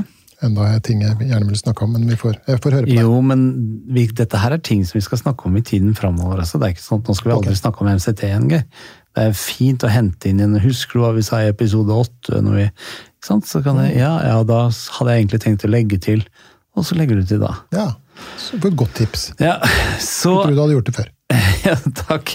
Så jeg, jeg tenker ehm, Først og fremst, før vi oppsummerer helt tatt, eh, så tenker jeg at ehm, eh, Vi slår fast at dette her er et, tema som, som ikke blir 100 ferdig diskutert i løpet av to og en halv time. Det kan vi være gjennom, alle tre. Og at, eh, men at vi har fått en liten grei innføring. eh, Og i form av oppsummeringen da, så må dere to korrigere meg hvis jeg nå oppsummerer feil. Men det jeg opplever som er selve grunnprinsippet, altså selve grunnpilaren, og den lysende overskriften i neonfarge på toppen av hotelltaket, det er eh, Du får ikke gjort noe med at tanker kommer og går, men det du får gjort noe med, er hvor mye fokus du ønsker å gi de tankene. Hvor mye oppmerksomhet du ønsker å gi de tankene.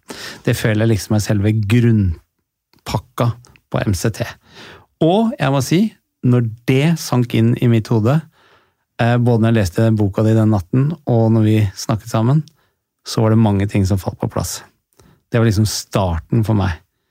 Og så kom jo alt det andre, og, og eh, alt det andre du forteller i boka, som vi har snakka om i dag også, så klart på toppen det. Men det var liksom selve grunnpilaren. Så metakognitiv terapi er jo en slags videreutvikling av kognitiv terapi. Eller i hvert fall neste skritt, kan i hvert fall sånn som deg og meg mene. Uh, Adrian Wells startet med dette i 1994. Blir stadig mer og mer ber stadig mer og mer om seg. Uh, de to hovedhubene som vi har i dag, er jo i Manchester og i Trondheim. Og eh, metakognitiv terapi handler først og fremst om å eh, anerkjenne at alle de tingene som oppstår, oppstår, men at du kan gjøre noen ting med det med tanke på responsen du ønsker å gi det. Anette, som var en eh, dame som brukte altfor mye tid på å snakke seg sjøl ned, gruble, eh, tenkte at du ikke var bra nok som mamma, ikke var bra nok som sykepleier, ikke var bra nok som eks, ikke en bra nok eks. Eh, gikk eh, og fikk veiledning i seks-sju timer innenfor MCT, og har i dag det mye bedre enn før hun gjorde det.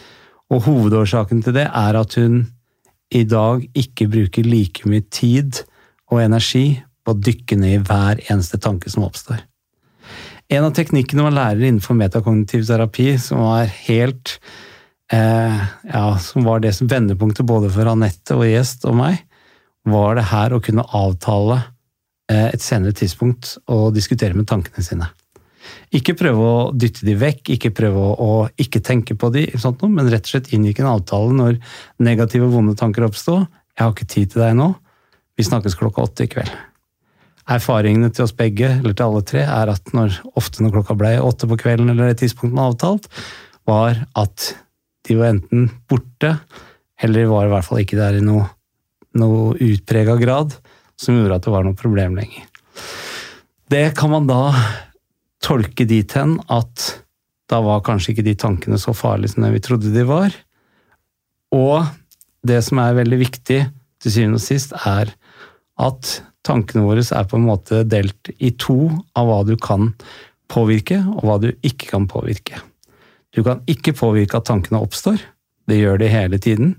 Et normalt menneske har mellom 7 og 70 000 automatiske tanker hver eneste dag. Det får du ikke gjort noe med.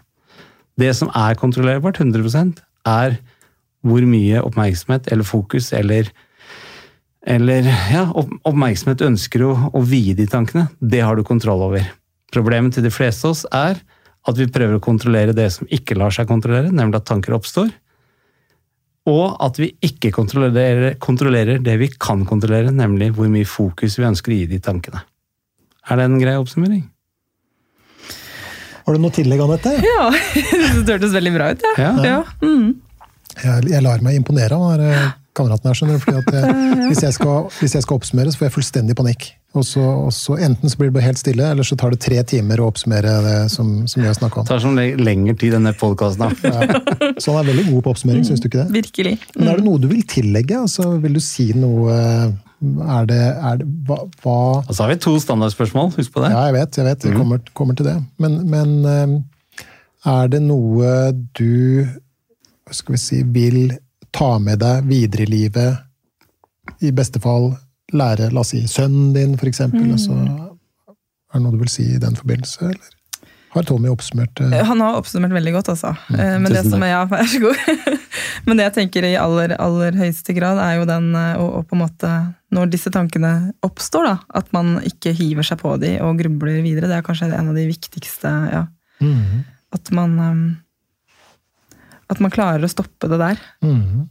Uten å på en måte gå, gå for eh, langt inn i hver eneste tanke som oppstår.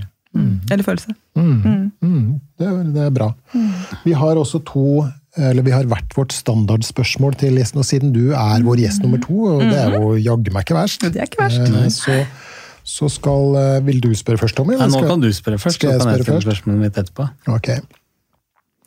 Og så er det som sagt ikke sant? Du må bare bruke så lang tid du vil til å tenke deg om, og sånt, men, men spørsmålet mitt er skal vi se, du, du er snart 40 år, ikke sant? Mm, ja, det er litt lenge til. Litt lenger til. Ja, seks-sju år til, men Ja, Hvor gammel er du, da? Ja, jeg er 37. 30, åh, snart 40, snakkes. Ok. Ja. Men uansett, da. Ja. Du er 37 år. Hva vet du nå om livet som du skulle ønske at du visste da du var ung jente? Typ sånn 18, 19, 20, 21 år. Helt sånn i begynnelsen av voksenlivet. Hva, hva vet du nå om livet som du skulle ønske du visste da? Jeg tror kanskje det, det, det viktigste som jeg vet nå, som jeg ikke visste da, er at eh, for det første at det er, det er ingen som går rundt og tenker så veldig mye om meg. Jeg er ikke så, er ikke så innmari viktig. Mm. Det er ikke liksom sånn at når jeg går på gata at folk tenker åssen buksa mi ser ut, eller om jeg hadde litt fett hår, eller eh, smilte jeg riktig, eller altså det, det er kanskje en av de tingene Det, det, jeg, det var ikke så mye fokus på meg Mm. som jeg trodde da jeg var 19. Ja. Mm, og da var det ikke Instagram og Facebook engang. Um, det er kanskje en av de, de viktigste tingene. Uh, og en av de andre tingene uh, tror jeg er det at man er litt mer avslappa til alt man uh, gjør. Ting er greit, liksom. Alt trenger ikke være så innmari perfekt. Mm. Uh, man trenger ikke ha fått A på alle eksamener for å være en uh, fantastisk intensivsykepleier. Det kan holde med å være god i jobben sin, og være omsorgsfull og være empatisk og gjøre de tingene som kreves av meg på jobb. Mm. En litt mer avslappa holdning, kanskje, til arbeidsliv og livet generelt. Høres ut som, en, som en, en generelt litt mer avslappa holdning til det å være deg og leve et liv på en måte, i, i et samfunn. Mm. Ja. Hva tenker du når du sier dette? Min? Tenker at hun er en veldig klok kvinne. -hmm. Mm. Um, og at uh, selv om mine unger uh, som hører på dette, kommer til å hate at jeg sier det, men det er rart med oss. Det er noe med det der å leve noen år, så får man litt mer kunnskap inn. Ja, det er noe med at, eh, at levd liv ofte gir klokskap. Ja. Så finnes jo unntak der òg. Når det er sagt, da, så, så er jeg faktisk eh, ganske glad at jeg har gått på noen smeller i løpet av livet. Eh, som gjør at jeg faktisk har kommet dit jeg er i dag. Mhm. Um, for det tror jeg ikke jeg hadde gjort hvis alt bare hadde på en måte Nei, det er jo noe med at Ja. du er fornøyd med deg sånn som du er i dag. Ja. Og det er jo som et resultat av både oppturer og nedturer. Og tabber man har gjort, og ting man angrer på, og ting man ikke skulle ha sagt. Ting man har sagt, folk man har vært med, reiser man har altså Det er jo en sum. Så jeg er blitt mye flinkere til å øve meg på ikke å angre på fortida. Ja. For det har vært med til å gjøre meg til den personen jeg er i dag, og jeg er faktisk eh, ganske greit fornøyd med sånn jeg fremstår i dag. Så er det mitt spørsmål. Mm. Eh, fra nå og framover, fra i dag av eller fra du går ut av studiet og framover, mm. er det jeg snakker om. Er det én ting du har lyst til å øve deg på å bli flinkere til å gi faen i? Ja. Jeg tror jeg nok, eh, nok må fortsette litt med um, jeg må nok fortsette å jobbe litt med hva andre tenker om meg. Det er nok mm. den som er eh, på en måte Du vil bli enda flinkere til å gi faen i Mm, det. Ja, ja, Ah. ja, det makes two of us. ja.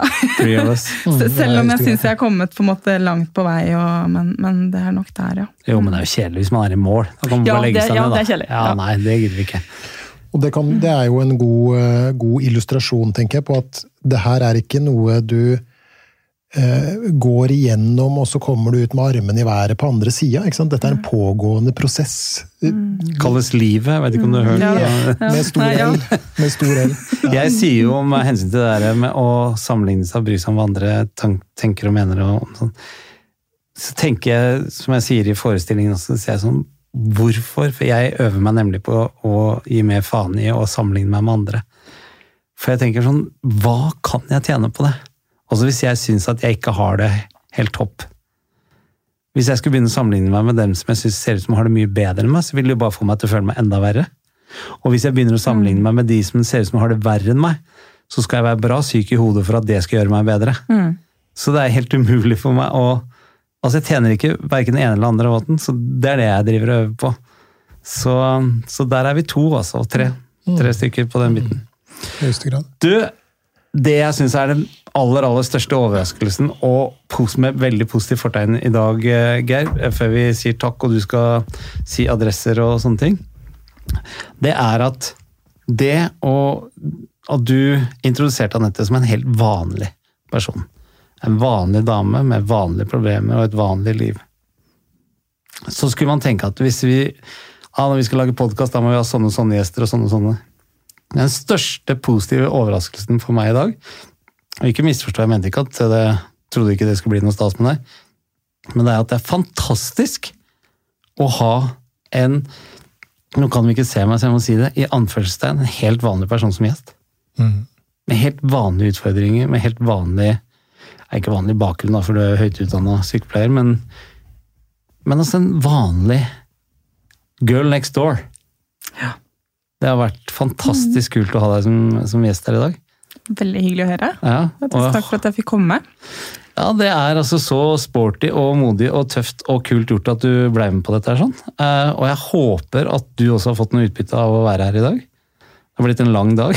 Du har jo, du har jo vært med på to episoder. En, Hun har en viss medieerfaring fra før. Det fortalte hun før vi starta. Hun var i Tønsberg Blad i 1985, eller noe sånt. Nei, ja, nei nå, ja, det var vel på begynnelsen av 90-tallet. Begynnelsen av 90. Mm. Å ja, så du er dreven. Ja, jeg Ja. syns Ja, det. Ja. Ja, men det er bra. Du, Geir, vi må runde av. Mm. Men eh, vi ønsker jo tidobling av folk skal kontakte oss. Mm. Hvor kan de kontakte oss igjen? De kan kontakte oss på vår eh, e-postadresse, og det er det mange som gjør. Og Mm. som sagt, det er, altså så, det er, det er til å bli rørt av. Det er veldig mye historier der ute. Det er mange gode spørsmål som vi skal ta opp igjen i episoder som, Mm. eh, som kommer. Eh, Blant annet til altså den neste episoden, Mm. som jeg mener skal handle om, om stress og belastende livshendelser, og hvordan vi kan forsøke å rigge livene våre så godt det lar seg gjøre til tross for f.eks. pågående belastninger. Da. Ok, du har fått et brev om det? Det har jeg fått et, Eller en eh, mail. En, en mail eh, om, med noen spørsmål, så det syns jeg vi skal ta tak i med en gang. Ja, du skal lese det opp nå? Skal jeg gjøre det? Ja, du må gjerne gjøre det. Ok, ok, da må jeg finne fram.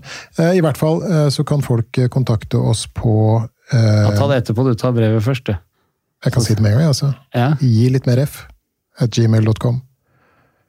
Gi litt mer F. Krævles.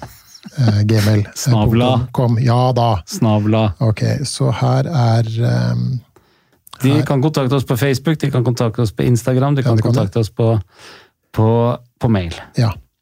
Og så håper jeg også at hvis de som hører på, liker det de hører, del oss på sosiale medier. Tips venner. Ja. Gi oss gjerne noen stjerner, og, og, og trykk abonner. Ja. For det vil hjelpe oss å vises i, i, i terrenget. ja. Så det håper jeg. Men i hvert fall, her har vi ehm, e-posten som slår an eh, neste episode. Mm. Hei, Tommy og Geir. Mhm. Og her kommer det litt skryt i begynnelsen. da. Du får prøve å la være å med. Tusen takk for en utrolig spennende podkast, både festlig og interessant, skriver denne personen. Det jeg håper dere kan snakke om, er hvordan kan man best beskytte egen psykisk helse når man opplever tunge ting over lang tid? Eh, Denne personen har et kronisk sykt barn. Eh, Det gir eh, mye bekymringstanker, tar mye energi i, i perioder. Eh, Personen som skriver inn, skriver at jeg vet at det er mange som har tunge omsorgsoppgaver som de ikke kan velge vekk, og som har behov for å håndtere stor belastning over tid. Har dere tips for å stå i situasjoner som ikke kommer til å gå over? Som ikke kommer til å gå over på lang tid? Kanskje andre også lurer på det. Eh, Vennlig hilsen, da. Og det Ja, syns jeg var et veldig. veldig godt spørsmål. Ja. Fordi at vi snakker jo hele tida om livet. Ja. Ikke sant? Og så snakker vi om det å ha vært igjennom ting. og, og sånt, noe, men, men av og til så står man også oppe i veldig vanskelige ting over tid. Og da er spørsmålet, hvis det er pågående livsbelastninger, Mm. hva da, liksom? Hvordan kan man da best ivareta seg selv? Wow, det er interessant. Det skal vi snakke om. Det skal vi snakke om i neste episode. Da er det egentlig bare å runde av med å si eh, Ja, når denne podkast, denne episoden Episoden. Jeg sa ikke hele navnet. Sendes da om en uke. Hvilken dato er vi kommet til da? Da er vi kommet til fredag Hjertelig da, Anette. Ja, 6.-7. Ta- ta- februar. Ta opp kalenderen. Jo. Week, week uh, ja. Da er vi kommet til fredag 7. februar. Så bra du skulle vært med hver gang. Ja, jeg syns nesten ja, det. er veldig bra. Da er det fredag 7. februar. Eh, og da uh, ønsker jeg alle sammen en For da er det jo ikke så lenge til vinterferien? er det ikke sånn? Nei, det er ikke det, da. Nei, det er uke åtte. Ja. Det vet vi som er foreldre. på Østlandet. Så ønsker folk en eh, fantastisk vinterferie da. Og tusen hjertelig takk til deg i dag, Geir. Takk til Tusen takk. Jo, takk. Men aller største takken går til intensivsykepleier Anette. Mm. Eh, Takk. veldig, veldig stas at du var her. Lykke til videre. Nå skal vi ta bilde. Nå skal vi ta bilde. Takk for i dag. Yes. Ha Takk for i dag.